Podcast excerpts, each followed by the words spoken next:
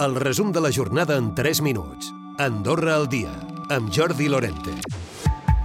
Els sindicats de l'administració general, entre els quals hi ha els cossos especials i de l'administració de la justícia, s'han tornat a agrupar sota la plataforma sindical per reivindicar els seus drets, que consideren que s'han anat veient cada cop més deteriorats des de l'any 2011.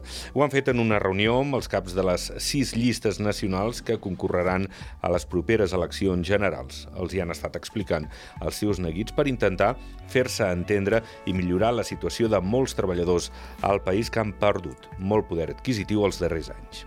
Andorra viu en una situació de fet complicada per la inversió estrangera desmesurada. Així s'hi ha referit aquest dimarts l'exconseller general socialdemòcrata Jordi Font.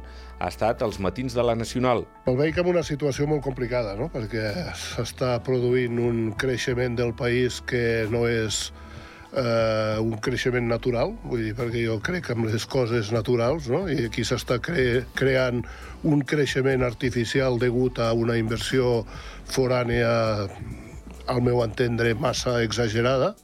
El Col·legi de Metges té sobre la taula la proposta del Ministeri de Salut sobre l'augment de les tarifes, que es mou en una forquilla del 5 al 10%. Fons del col·lectiu asseguren que l'oferta inicial era d'un increment del 5%. Doncs bé, ara els metges hauran de decidir en assemblea si accepten la proposta o deleguen en la Junta del Col·legi per continuar la negociació. I l'última tecnologia en matèria de seguretat s'incorporarà a la zona de jocs del casino. Hi haurà control d'accés amb reconeixement facial, tres màquines en total, dues de registre i una de control.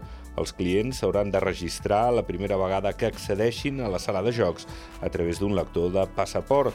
En parlava el responsable de seguretat d'UNIC, l'Ivan Martín. Disposem d'un escàner de documentació i un escàner de RFID. L'RFID és un sistema de contactless que tenen els, eh, els passaports, sobretot els passaports, DNIs que venen de, de fora.